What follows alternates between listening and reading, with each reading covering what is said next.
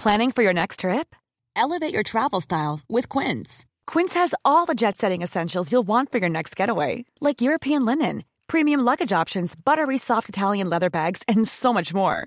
And is all priced at 50 to 80% less than similar brands. Plus, Quince only works with factories that use safe and ethical manufacturing practices. Pack your bags with high-quality essentials you'll be wearing for vacations to come with Quince. Go to quince.com slash pack for free shipping and 365-day returns. Hey, Dave. Yeah, Randy. Since we founded Bombus, we've always said our socks, underwear, and T-shirts are super soft. Any new ideas? Maybe sublimely soft. Or disgustingly cozy. Wait, what? I got it. Bombus. Absurdly comfortable essentials for yourself and for those facing homelessness. Because one purchased equals one donated. Wow, did we just write an ad? Yes. Bombas. Big comfort for everyone. Go to bombas.com slash ACAST and use code ACAST for 20% off your first purchase. Planning for your next trip?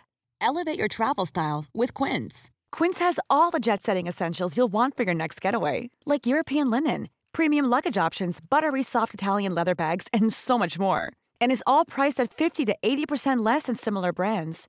Plus, Quince only works with factories that use safe and ethical manufacturing practices.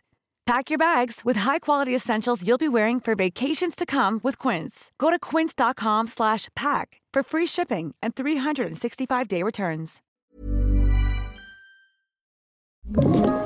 En podkast fra Podplay. Og jeg ser rumpa til Charter-Gunnar komme mot 150 km i timen.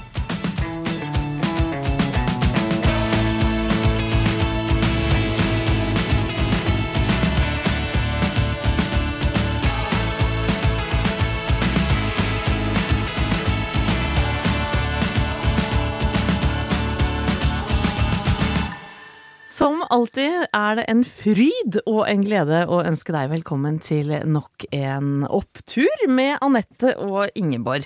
Eh, og Ingeborg, for noen uker siden så eh, kom vi ikke i skade for å si, for at eh, det var ikke noe gærent det vi sa. Men vi ønska vel sånn hei og hopp til våre utenlandske lyttere. Også. Ja, det var jo kanskje et, eh, et anfall av uh, hybris, altså veldig høy Storhet. storhets, stormannsgalskap, hvor vi sa noe sånn som 'to all our international followers'. Ja. Og det vi vi, har vel, vi trodde kanskje egentlig ikke innerst inne at vi hadde så mange lyttere i utlandet, men det er en besnærende tanke. Ja, og det viser seg at vi har i hvert fall én! Det er gode nyheter. For jeg har fått, eller vi, inne på Oppturpodden på instaen vår, så har vi fått en veldig hyggelig melding som uh, lyder som følger. Hei jenter, takk for super podkast. Blir i godt humør av å høre på dere.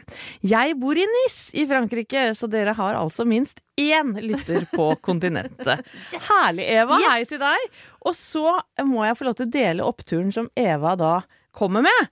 For hun skriver Vil dele min store opptur denne uka. Katta vår klarte å stikke av fra buret sitt da jeg skulle ha den med til veterinær forrige onsdag, ca. tre kilometer fra oss.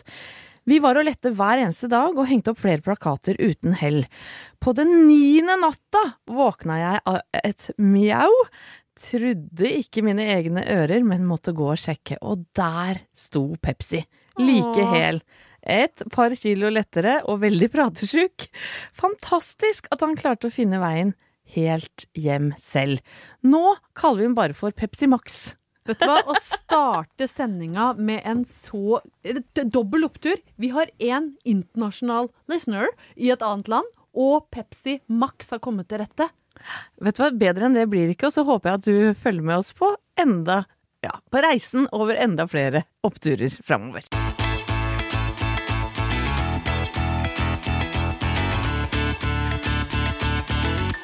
Jeg har lyst til, Anette, å snakke litt om sport. Hurra! Hurra Ja, for det, vi begge er glade i sport. Vi er det faktisk, og vi er jo ikke aleine om det. Og eh, de siste to ukene så må jeg si at vintersport har vært noe av det jeg har klamra meg til. Når jeg syns at uh, dagene har vært uh, litt grå. For det er jo der hvor vi bor, da, i Oslo, så, uh, så har det vært sånn at vi har hatt en ganske praktfull vinter gjennom hele januar, og inngangen i februar var sol, sol, sol, sol, sol. Nå har det snudd værmessig, og denne forrige uke var det så mye tåke at jeg ikke så skoa mine når jeg gikk ut for å gå på kiosken. Så det er litt grått. Men da er det så utrolig deilig at hver gang jeg skrur på TV-en, og dette har jo jeg gnåla om før, så er det de gode, lune, varme stemmene til NRKs kommentatorer som i øret mitt er som knitring av peis, altså. Det er så koselig å høre på. Og eh, de siste ukene så har det blant annet vært VM i alpint i Cortina. Og det har vært VM i skiskyting i Poklioka. ja, og da Hørte jeg tok sats? Ja. Poklioka. Og jeg må si, elsker navn på vintersportsteder. Ja. Altså, Poklioka eh, visste jeg faktisk ikke hvor var, så det måtte jeg google. Det er vel i Slovenia, så vidt jeg vet. Jeg tror det. Men alle disse hoppstedene, Garmis Parkenkirchen Garmisch-Partenkirchen. Garmisch-Parten. og Hitschhofen Bischofshofen. Nei, men da kan du se. Jeg har bare fattigmannsversjonen av det. Mens du sier ja, Ja, men men er det ikke noe. Hoffhilsen eller noe sånt? Hoffhilsen? Det er jo egentlig bare Åre i Sverige som er det lett å si. som vi klarer å si. Ja. Men Poklioka, ja. I, Skiskytter-VM. eh, Nydelig. Og det har vært veldig spennende, veldig gøy og masse medaljer hjem til Norge. Og jeg syns det er så opptur med folk som lykkes. Altså fordi du ser den gleden som, som vises i ansiktene deres og på kroppsspråket når noe du har jobba for så utrolig lenge, eh, går i oppfyllelse, så er, skal liksom alle følelsene ut gjennom fjeset. Tenk så mye de har ofra, Ingeborg. Tenk så late vi er. Ja. Vi, vi trener kanskje en halvtime i måneden, mens disse trener kanskje da sju-åtte timer hver dag, da. Ja, de gjør det. Og alle dager hele året. Sant? De har ikke fri på julaften når vi ligger og flesker oss og ser på Tre nøtter til Askepott. Da er de ute og tar en god to timers treningsøkt. Ja. Så de lever et, et liv hvor idretten er så viktig, og da det er altså så nydelig å se sånn utilslørt idrettsglede, og kanskje spesielt de som har hatt litt motgang, da.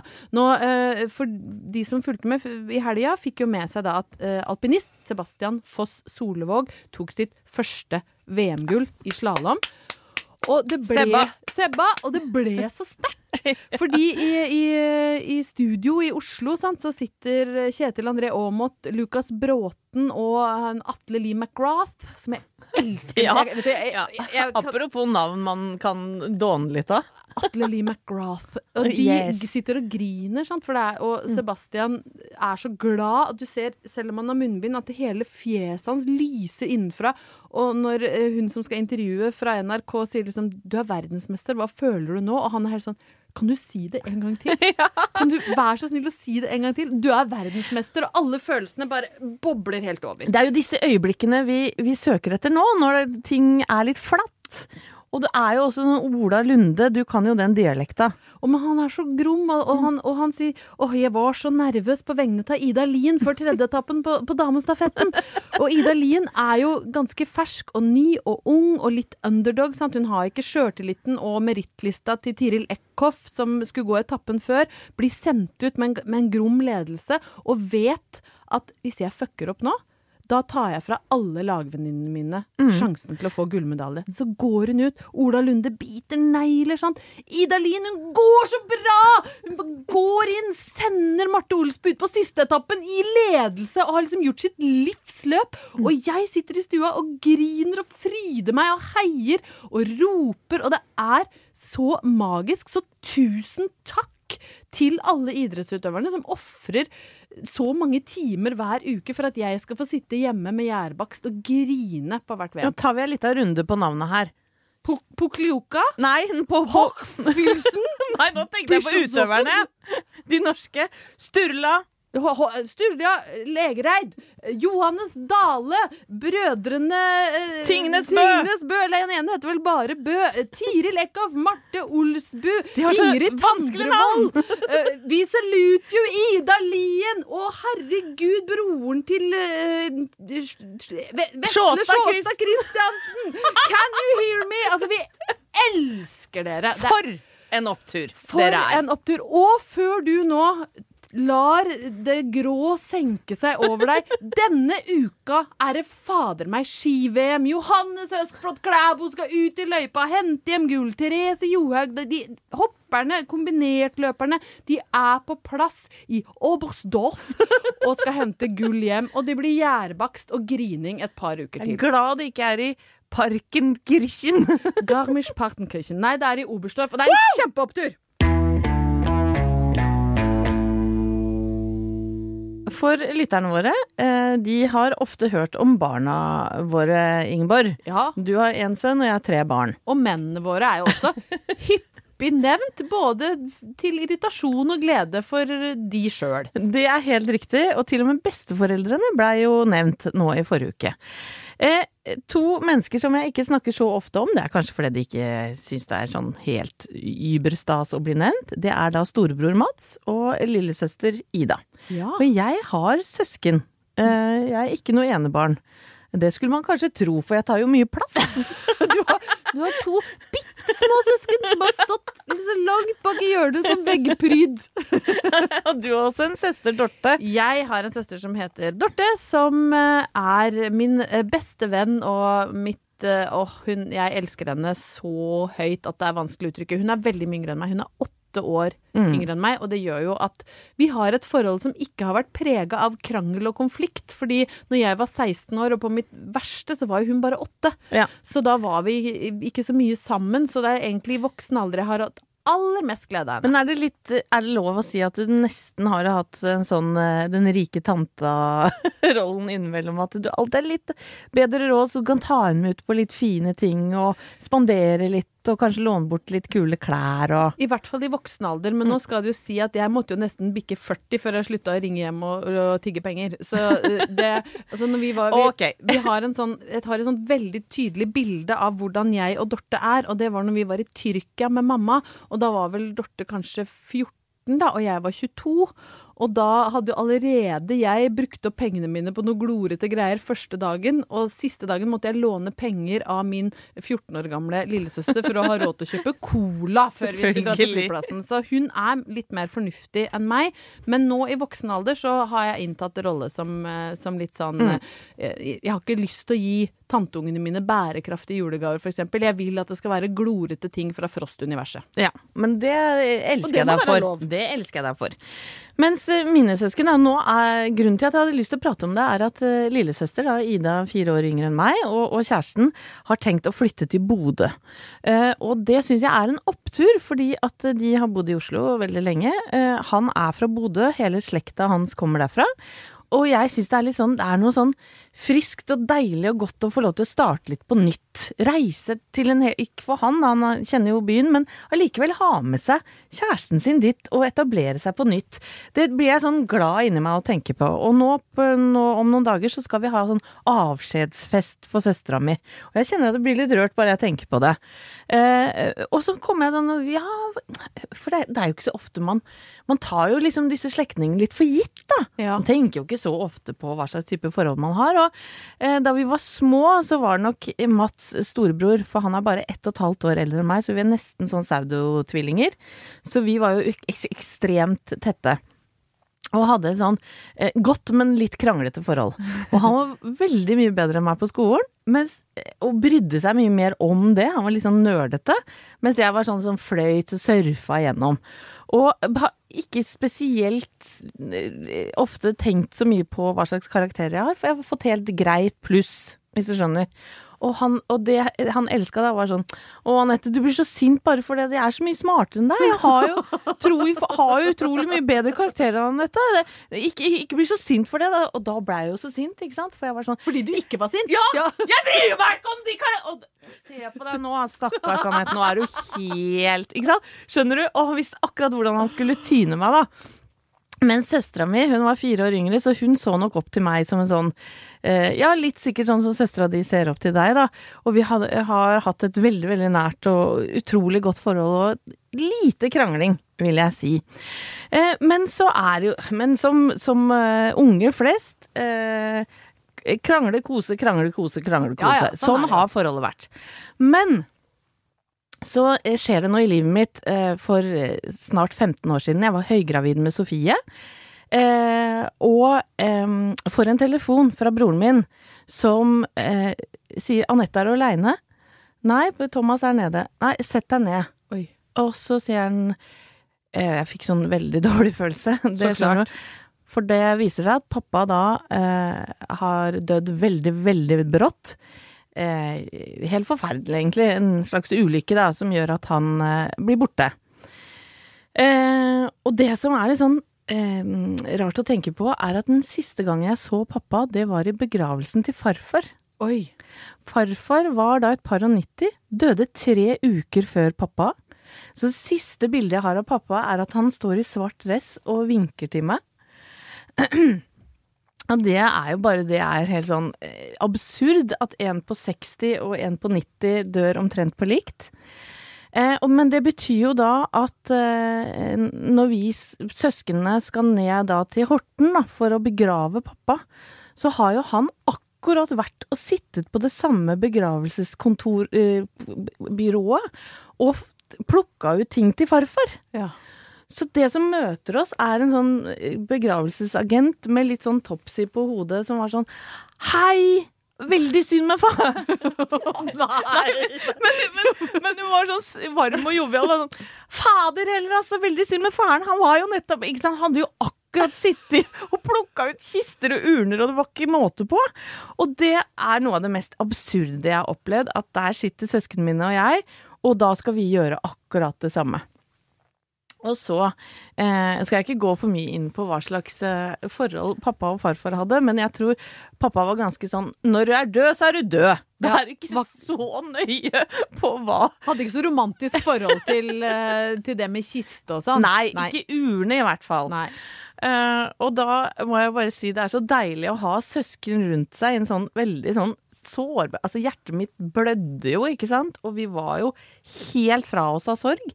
Samtidig så kjenner man jo på eh, Se for deg en sånn engelsk sosialrealistisk film hvor det plutselig dukker opp humoristiske, rare situasjoner, ikke sant? Men Mats tok da føringa, da, han er liksom eldste i, i flokken, så han Nei, eh, ja ja, vi får begynne å velge, da. Og det var noen furukister og det tristeste, og vi fikk jo latterkrampe, ikke sant. Og så kom vi til urneutvelgelsen, og så viser hun, drar hun opp et skap, så sier hun her har vi den eh, største urna vi har, det er kirsebærurna, den koster så og så mye, rundt en tusenlapp. Og så har vi en i eik, tror jeg det var, og så sånn, helt til slutten bort i skapet sto den kommunale urna. Som kosta sånn 70 kroner bare i sånn avgiftsgreie. Og så blir det helt stille, og så tar Mats ordet, og så sier han sånn Du, unnskyld at jeg spør, men hvilken urne valgte pappa til farfar?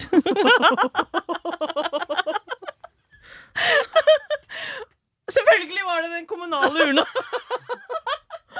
Tok Og vi- den billigste, ja. Vi knakk jo så jævlig sammen. Og eh, payback time var jo at vi selvfølgelig kjøpte kirsebærurna Ja, ja, til ja. fatter'n. Sånn at når de da skulle eh, nedlegges på likt, så var det jo Men det er bare den derre Det å få lov til å sitte i skyggen av broren sin som tar eh, fullstendig kontroll. Jeg må også fort, eh, fortelle at i begravelsen, som også var sånn hjerteskjærende opplevelse, så holdt han tale på vegne av oss barna.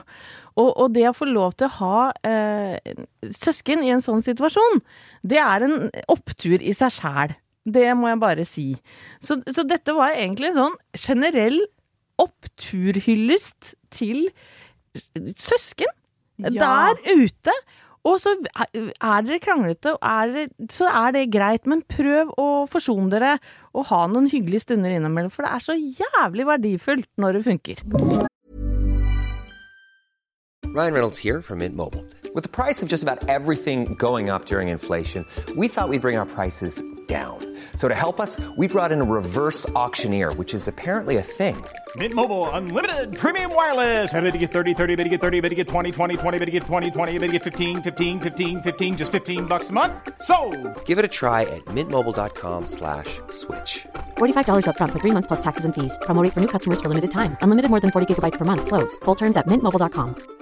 Hey, it's Paige DeSorbo from Giggly Squad. High quality fashion without the price tag. Say hello to Quince. I'm snagging high-end essentials like cozy cashmere sweaters, sleek leather jackets, fine jewelry, and so much more. With Quince being 50 to 80% less than similar brands. And they partner with factories that prioritize safe, ethical, and responsible manufacturing. I love that. Luxury quality within reach. Go to quince.com slash style to get free shipping and 365 day returns on your next order.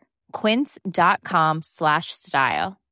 Hey, Dave. Yeah, Randy. Since we founded Bombus, we've always said our socks, underwear, and t shirts are super soft. Any new ideas? Maybe sublimely soft. Or disgustingly cozy? Wait, what? I got it. Bombus. Absurdly comfortable essentials for yourself And for those facing homelessness. because one purchased equals one donated. Wow, did we just write an ad?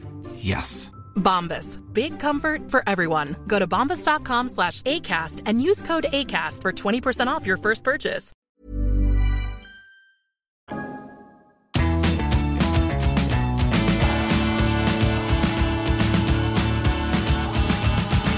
Anette, du er jo en arbeidshest. Og takk for det! Jo, det er det. Sjæl, må jeg si da. Ja, jeg Ja. er det. Jeg har eh, begynt å jobbe tidlig, eh, og jeg blir egentlig får energi av å jobbe, og er glad i å jobbe. Jeg syns liksom det er, det er fint å ta i et tak. Er, eh, vi tuller jo veldig ofte med at jeg er en latsekk som ligger mye på sofaen eh, hjemme, og jeg gjør det òg, men jeg er liksom jeg er ikke redd for å, for å legge ned timene mine på arbeidsplassen. Nei, kjære deg, du har en enorm kapasitet. Det var veldig Ja. flott sagt, Eh, det, og det setter jeg pris på at du ser. For jeg mener jo sjøl at jeg, jeg er ikke redd for å jobbe. Og jeg har egentlig hatt jobber fra jeg var ganske liten, og vi har jo toucha innom det i podden tidligere i forbindelse med at uh, min sønn slash jeg har fått vaskejobb i sameie. Så vi snakka litt om det å plukke poteter og plukke jordbær og, uh, og jeg har hatt mye forskjellige jobber opp gjennom tida. Og det veit jeg du har òg. Jeg tror vi har hatt mange av de samme. Vi har vært eh, bartendere og serveringsdamer og stuepiker. Jeg har jobba i kiosk, ja. Ja. Gått med avisen videre. Ja ja, det er alt mulig som man kunne, for det var jo ikke så mye å velge i. Jeg har jo stått i sånn derre vannbad på Veikro eksempel eh, i mange år, og lessa opp eh, sånne eh, sous vide-poteter og, og medisterkaker, og sagt skal du ha grønnsaker eller surkål?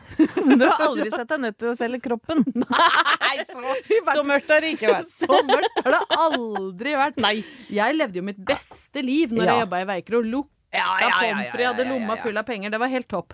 Eh, og så jobba jeg mange år som guide på Maihaugen, Lillehammers store stolthet. Og det var jo fantastisk. Du, det er jo en kredibel jobb, da. Det er en kredibel jobb, faktisk. Da gikk jeg rundt på Maihaugen i rondastakk. Og jeg er jo 1,80 på strømpelesten, så det var jo en ganske, et ganske stort menneske som kom i bunad der og tok imot eh, Det var eh, mye tyske turister, for jeg snakker jo, eller snakka i hvert fall, flytende tysk. Det er derfor jeg kan si liksom- Garmisch-Partenkirchen. Garmisch-Partenkirchen. Hoppfylsen er veldig god på tyske skisteder.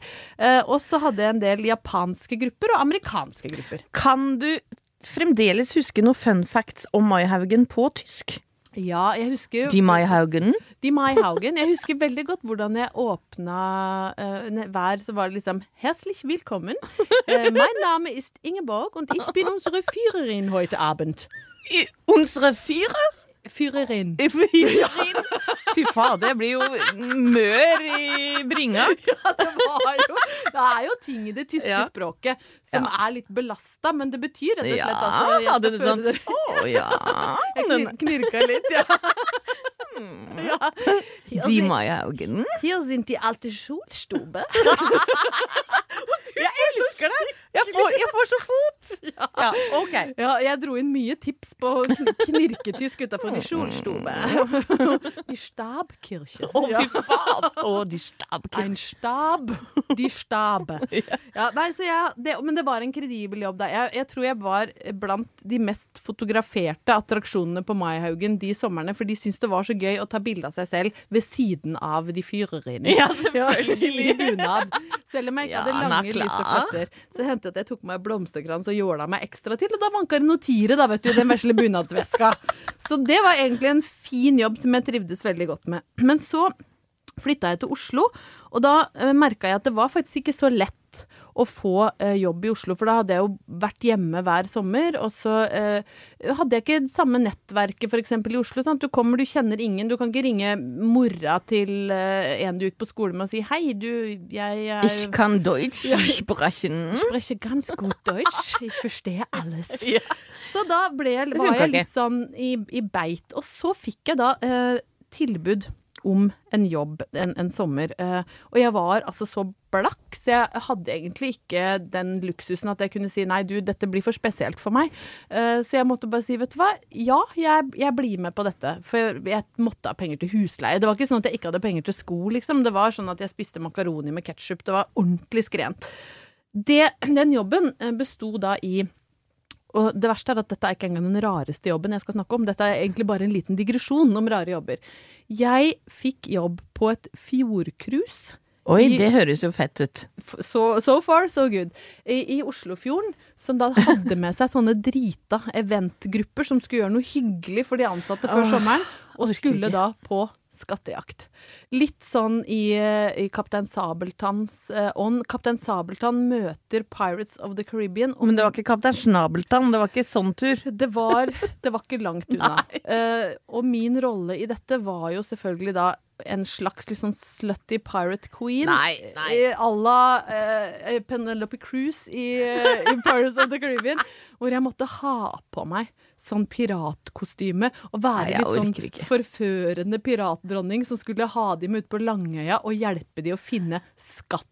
Nei, Ingeborg, vi må videre. Altså, men jeg orker ja, og, orker og det verste er at det, det er, den historia, den jobben var så mørk at det er sånn at jeg noen ganger tenker at dette her har du funnet på, Ingeborg, for å ha en god historie når, når det er liksom historietørke rundt bordet. Men det, det der var altså jobben min. Fy fader. Ja da. Så Kudos for at du klarte å gjennomføre den sommeren. jeg gjennomførte den sommeren, og hvis noen av lytterne jobber i et firma som var på event på Langøyene den sommeren, så reach out! Send meg en DM, for det, kanskje noen har noen bilder liggende Ja, som du kan kunne Det fått sett. da. vil vi gjerne jeg. For jeg tok ikke bilder sjøl, for å si det sånn. For ett sted måtte grensa gå. Men det jeg egentlig skulle fram til mens jeg satt og reflekterte over For her er jo oppturen i dette. Da. Oppturen er jo, som du sa, du har en jævla kapasitet! Ja. Det syns jeg er en opptur. Mange forskjellige ting. Det er Gjort gøy. mange forskjellige ting. eh, Og også eh, i korona fått tid til liksom å rote litt i gamle bilder. Eh, og så fant jeg et bilde som egentlig er utgangspunktet for at jeg snakker om dette i det hele tatt. Og det bildet, jeg husker ikke akkurat hvilket år dette var, men det må ha vært uh, mellom 2000 og 2010 en gang. Tror du det var er tiåret. 2013? Var det så sent? Ja. Ja. 2013. Å, herregud, det er altfor kort tid siden til at dette er greit, men OK. Da uh, det, For dette begynner med deg.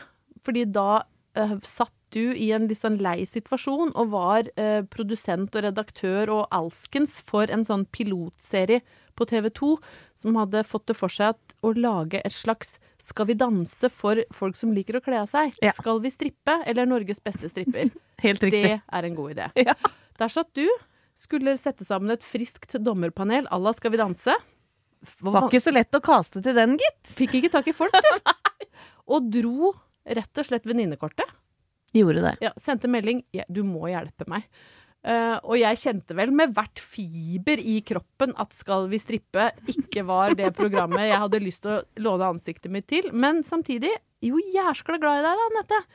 Og kjente at jeg må hjelpe jenta mi her, altså.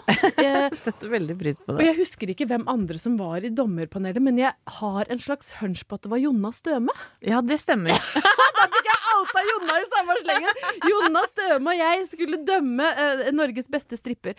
Og det var altså dere hadde jo klart å kaste folk som var villige til å kle av seg på TV. Blant annet, så Hvis jeg skal trekke fram noe positivt, så husker jeg at det var en jente der som var sånn burleskdanser, som hadde et litt sånn Dita Fontis-aktig show, hvor hun satt i et eh, sånn eh, martiniglass på menneskelig størrelse i skumbad, som var superestetisk og ganske så lekkert. Det var gøy. Det var veldig, veldig gøy.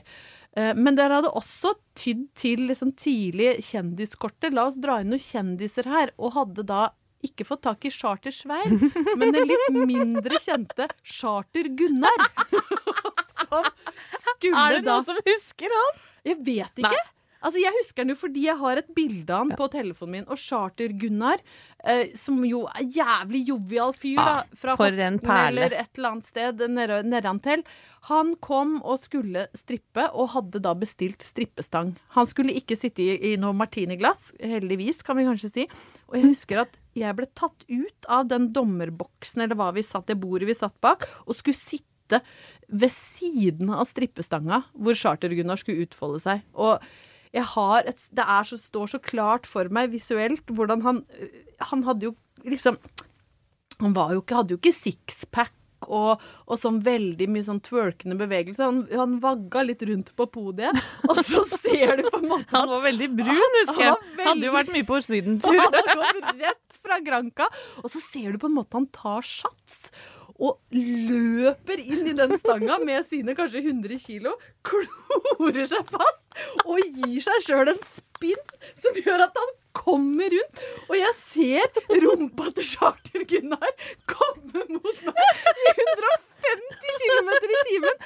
Og det ansiktsuttrykket mitt på det bildet er altså ren frykt. For jeg, det knaka i stanga. Ja, sant? Og han heiv seg på. HMS-en var ikke på plass.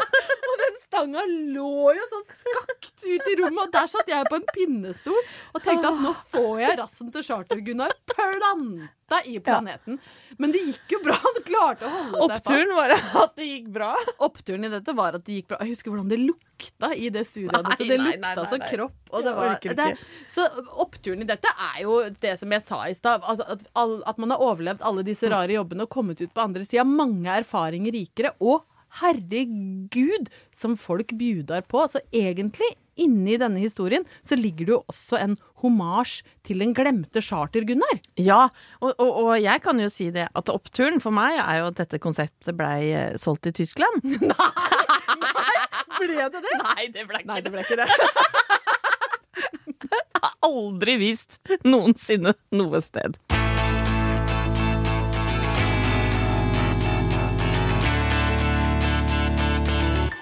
Ingeborg, jeg er 71 år gang. Eh, Veit du hva det innebærer? Det innebærer at du er eldre enn meg. Touché. Touché. Det er helt riktig. Det innebærer også at eh, vi Ja, for nå lever vi jo i det herrens år 2021. Ja, det er rundt tall på gang, eh, Walters. Rundt tall på gang. Og det betyr jo også at en del av mine venner, da Jeg har jo noen yngre venner og venninner, eh, mind you. Men eh, jeg har også en del som er akkurat på min alder, og det betyr at det er mange som fyller 50 i år. Og selv i litt traurige koronatider, så er det sånn at folk ønsker å markere det bitte lite grann ekstra. Og Det skjønner jeg jo. Ja, og det er så deilig med det, for at jeg må si det var en opptur nå i helgen. At eh, min eh, venninne Som jeg ble kjent med da jeg var null år, altså jeg har vokst opp med henne, mine foreldre og hennes var bestevenner. Så eh, dette er ei jente jeg har kjent i 50 år. Å, herregud. Og det betyr jo litt ekstra, ikke sant? Vi vokste opp sammen i Åsgårdstrand. Hun flytta til Oslo da vi var åtte år, og det var et av de mest traumatiske øyeblikkene i livet mitt. Jeg hadde vært på ferie på Bornholm. Eh, det var jo ikke noe som het mobil, eller Det var jo fasttelefon, eh, selvfølgelig. Og mamma hadde vel egentlig ikke klart å formidle akkurat når Henriette skulle flytte. Sånn at jeg hadde da kjøpt en gave eh, og løp ned den lille stien til huset hennes, og der bodde en helt annen familie. Å, fy fader. Traume. det, ja, det var skikkelig traume. Men eh, oppturen i det er selvfølgelig da at Henriette og jeg vi har beholdt kontakten. Og som niåring så tok jeg tog aleine inn til Oslo. Og så kom hun og henta meg, og så gikk vi med min store koffert gjennom hele Oslo, for det gikk an den gangen. Eh, og så tok vi banen opp til Bøler, hvor eh, hvor hun bodde da. Og så, sånn har livet vårt vært. Vi har vært bestevenninner hele livet. Så koselig historie, Anette. Veldig, veldig koselig. Og denne jenta, da, eh, hun fylte 50 i helga, og eh, vi skulle overraske henne med en mini liten fest. Og hun hadde egentlig sendt ut sånn ja, lurer på om dere kan holde av den og den lørdagen. Og så måtte vi da si ja, nei, det kan vi ikke. Og bare det å si sånn nei, jeg prioriterer ikke min beste venninnes bursdag. Bare det var litt sånn eh, klump i magen. Der, derfor så var det jo ekstra gøy å overraske henne på hotellrommet som hun hadde blitt tatt med av kjæresten sin. Så vi kommer da to vennepar på hotellrommet, vi drikker bobler, og så har vi overrasket henne med da å arrangere fest hos en annen venninne et annet sted i Oslo, da. Og det var altså så utrolig kult. Og det jeg tenker med en sånn overraskelsesting, det er jo at én vertinne stresser jo ikke noe med hvem hun må be, eller hva hun skal servere, så alt er sånn veldig low-key. Så hele festen var en sånn eneste stor opptur. Og så har jeg tenkt sånn, jeg fyller jo 50, jeg au. Du gjør det? Ja. Hvordan er jeg på å ta imot sånne overraskelser? Hva tror du, Ingeborg? Er jeg god på det? Ja, jeg tror at du er ganske god på det. Men jeg tror at du øh, kanskje planter litt sånn tanker i forkant.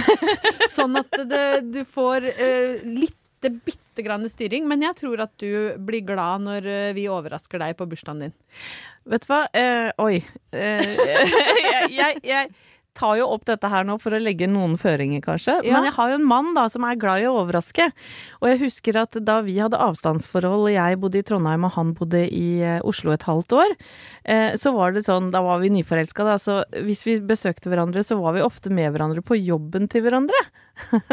det er jo helt corny, egentlig. Men koselig. Vil ha Ja. mest mulig tid sammen, da.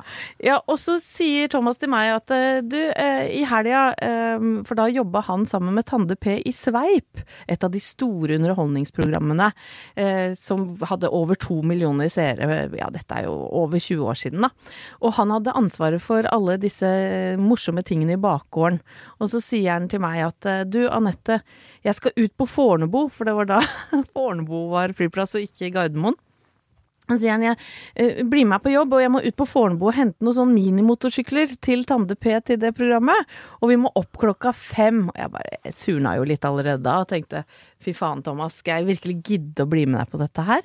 Så jeg kler på meg, vi sitter i bilen. Jeg husker at jeg satt og hørte på P3 Morgen eller på Opptur eller hva det het den gangen, da.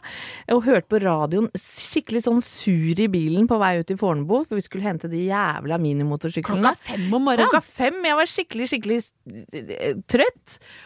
Og så plutselig kommer vi på Fornebu, og så skjønner jeg ingenting, for der står Yngvar og Ingrid, svigerforeldrene mine. Og så har de med hvert sitt røde pass. Og så sier de vær så god. Og så går vi på flyet til Praha, så er det egentlig Thomas som bare har hijacka meg og bestilt kjærestetur til Praha. Men det er jo er jo så gøy! Fantastisk overraskelse. Men eh, det er kanskje symptomatisk for meg, da, er at det ble liksom så høye skuldre og så mye takknemlighet at vi krangla jo hele turen. Så grusomt. Denne turen til Praha Jeg tror jeg har ett bilde hvor jeg ser sånn blid ut, eller så er det bare liksom har vi sittet og krangla oss igjennom. Så eh, min føring nå er ehm, eh, ikke gjør for mye ut av det. Nei, nå kjente jeg at jeg fikk litt høye skuldre med tanke på denne 50-årsdagen. Hvis, det- hvis det blir sånn at det blir krangling hele kvelden, så ikke, ikke legge lista for høyt. Nei. Liksom litt nedpå og, og ting du kan håndtere. Men hvis du hører at eh, mannen min begynner å planlegge, prøv å blande deg litt inn i det. Er det noe, noe du må ha for at det skal bli vellykka? Alkohol. Alkohol. Ja, men det er vel greit. ikke lov å si. er det lov å si i Ja, ja, ja. Her er alt lov å si. Det er korona, come on. Og, og oppturen, eller det viktigste, er selvfølgelig å ha gode venner.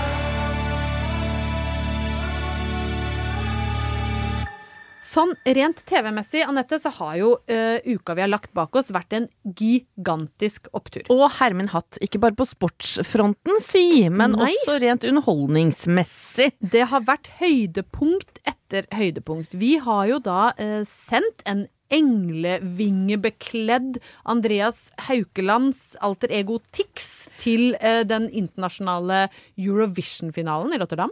Han er alt annet enn en fallen angel. Åh, det var, åh, det var veldig, veldig, veldig Ja. flott sagt. Hurra for Tix, hurra for um, eh, Hva var det han sa? Han har alltid følt seg som den stygge andungen. Ja, nå er han ei svane med Ja. hvite vinger. Vet du, Du, det er ganske, nydelig, nydelig bilde. Men det er ganske tøft å tørre å si det. Ja. Ja. Men jeg tror noe av grunnen til at Tix nå har eh, virkelig fått en plass i det norske folks hjerter, er jo åpenheten rundt det å kjenne på annerledeshet og føle seg liten og dum og ikke passe inn og ikke å klare klare å våge å være seg sjøl. Det omfavna eh, Norge eh, da eh, uka som gikk. og ga han en ganske knusende seier Ja. over forhåndsfavoritt Keiino, som også hadde en kjempefin låt. Ja, Som ikke jeg er så begeistra for, men det er greit. Ja, det får være greit. Samme det! Ja. Men så har vi jo en gjeng da som har vært og styra rundt på en gård på Lundreid gård, som vi har blitt veldig glad i. Veldig. Ja, ja, ja, ja, det har pågått i seks uker nå. Eh, en eh, verdig vinner, vil mange si. Lasse Matberg gikk jo hen og slo Terje Sporsem i finalen. Ja. Men eh, den største sorgen vår er jo kanskje at vi ikke mm, ukentlig får se Øde Nerdrum på TV. Ja, altså Øde har jo ikke bare blitt din og min favoritt. Han, eh, han som Tix har jo bare etablert seg som eh, 2021 store medienavn, og vi får liksom ikke nok av Øde. Og noe av det som gjør at folk blir så fascinert av han, er jo at han snakker som han kommer fra en annen tid. Og eh, det nisjenettstedet subjekt.no de har lagd en nydelig liten sak denne uka her, hvor de rett og slett har tatt seg bryderiet med å samle noen av Ødes beste sitater fra Farmen. Og vi skal ikke lese opp alle, men vi skal bare gi dere som en slags nå avslutter vi Farmen kjendis 2021 med nærmest en sånn poetisk tilnærming til fenomenet Øde Kan vi kalle det en slags ode til Øde? Det er en ode til Øde. Det er Ja. nydelig. Mm. Du kan starte du, kjære. Dette horeriet vi kaller senvold. Mannen slår kona, kona slår barnet, og barnet slår hunden. Spa er jo et slags fire horehus. Jeg er en slags varulv. Så sitter jeg her inne på loftet som en død rotte. Skjebnens ironi, et dødsvåpen, reddet meg. Det er en nydelig avslutning. Du, det vi går ut på. Skjebnens ironi, at dødsvåpen reddet meg. Men Øde er ikke død. Nei, Får vi se henne i Skal vi danse? Jeg vet ikke. Eh, vi får Eller er det Camp Culinaris vi får i hvert fall ikke se han i Skal vi strippe. Det, det for det prosjektet er lagt ja, dødt. For å være dagens største opptur. Ja, det er en opptur for alle. Og så har jo du og jeg en innmari god nyhet, syns vi sjøl, som vi skal dele med lytterne våre. Eh, Det, er en slags verdensnyhet. Fordi vi har jo da blitt oppringt av TV 2 og bedt om å være en del av TV-programmet Sofa. Tror du de angrer på det? Altså, det kan jo hende en del av lytterne våre allerede har sett det på TV og tenker ah, Ja, dette kanskje. var ikke noe særlig. Nei, Men for oss er det en opptur, for vi syns det er veldig gøy. Det er en kjempeopptur å få være en del av Sofagjengen. Og så skal jeg hilse fra Sofie, eller det skal jeg egentlig ikke. Hun pleier å ringe meg vet du, fra rommet, Ja. men nå har hun vinterferie. Så nå har hun slått av mobilen, så hvis jeg ringer ned, så er det sånn diu, diu, diu. Abonnenten har slått av telefonen. Da ønsker vi Sofie en velfortjent og god vinterferie fylt med oppturer, da. Ja, og neste uke er vi tilbake.